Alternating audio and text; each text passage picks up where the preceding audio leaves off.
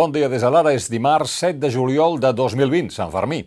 Dia xafogós i tan gris a la costa que a Barcelona s'han escapat algunes gotes cap a les 7 del matí. Ha de ploure avui, Miquel Bernis? No, fins a mig matí el cel estarà bastant carregat de núvols a la costa i al prelitoral centrals, però a partir del migdia el sol predominarà arreu. La nit ha estat de molt mal dormir a la costa, però al migdia la temperatura serà entre 2 i 4 graus més baixa que ahir. La transmissió del coronavirus a Catalunya continua sota control tret de Lleida, que cada dia registra més positius. Lleida concentra el 63% dels diagnòstics de les últimes 24 hores i, de fet, la consellera Vergés es planteja el confinament domiciliari del Segrià.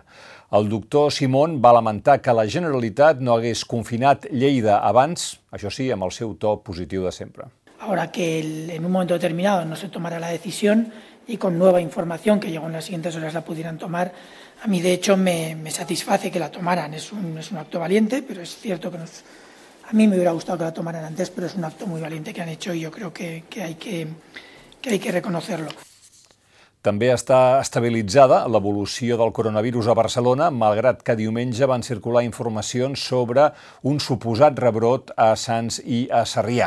La regidora de Salut de Barcelona, Gemma Tarafa, va afirmar ahir que l'última setmana sí es van diagnosticar 20 casos cada dia, però que malgrat això no estem ni de lluny en la situació de Lleida. No són escenaris comparables, va sentenciar la regidora.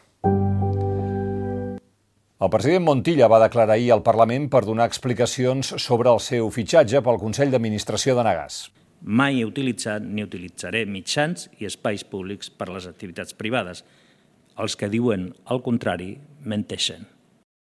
Jo no m'he corromput. No es pot parlar que accepta formar part d'un Consell d'Administració respectant escrupulosament les lleis. Això implica corrupció. Els partits que van interrogar el president van demanar-li que, si no abandona Enagas, renunciï a tenir l'oficina d'expresident. Per respecte a la institució de la presidència de la Generalitat, renunciï a aquest càrrec d'Enagas. Aquesta temptativa de porta giratòria alimenta precisament aquesta idea de desafecció de la política. Cuando los catalanes han tenido que cerrar la puerta de su negocio, usted ha abierto una puerta giratoria de más de 160.000 euros al año. Entre els articles d'avui us recomanem aquest d'Antoni Batista, Els GAL segons la CIA, en què el periodista, que és un gran coneixedor de la política basca, fa un repàs documentat molt interessant sobre què hi ha de nou i de vell en les revelacions de la nota que la CIA va mm, publicar a La Razón i recorda la frase de Felipe González de l'any 1988 El Estado de Derecho se defiende en las tribunas, en los salones y también en los desagües. I aquest altre article de Joan Beculla també us el recomanem sobre el conflicte dins l'espai de Puigdemont titulat Eixamplar la base o esmicular-la. Si voleu tenir una mesura del temps com passa, sapigueu que avui el bateria dels Beatles Ringo Starr fa 80 anys i que hi va morir Ennio Morricone als 91 anys. En tenim dues pàgines delicioses. Xavier Cervantes en fa la biografia i el crític musical Jaume Radigales firma l'article Posar música als ulls. La música, que és bona perquè està al servei de la narració, i en això Morricone, diu Radigales, era un mestre. I als esports valorem l'auditoria que Price Waterhouse ha fet al Barça sobre el cas de l'empresa que atacava reputacions a les xarxes socials. A favor del club, l'auditoria diu que ningú va posar la mà a la caixa, com va deixar anar l'exvicepresident Emili Rousseau, que el preu que va pagar el Barça era de mercat i, sobretot, que no hi ha proves que el Barça encarregués cap empresa que difamés ningú.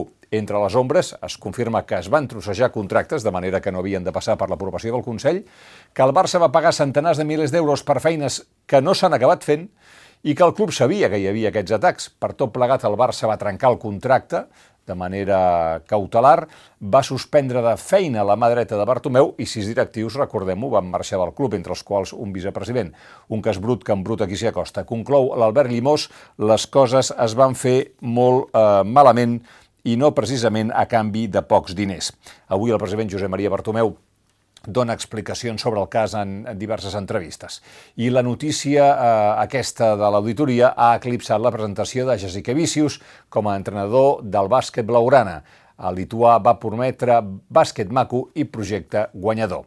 I dos noms propis més, l'actriu i dobladora Carme Contreras va morir diumenge a l'edat de 87 anys. Contreras serà recordada pel seu paper de Roser, la farmacèutica del cor de la ciutat de TV3, i per ser la veu de l'extraterrestre E.T., i de la March del Los Simpson.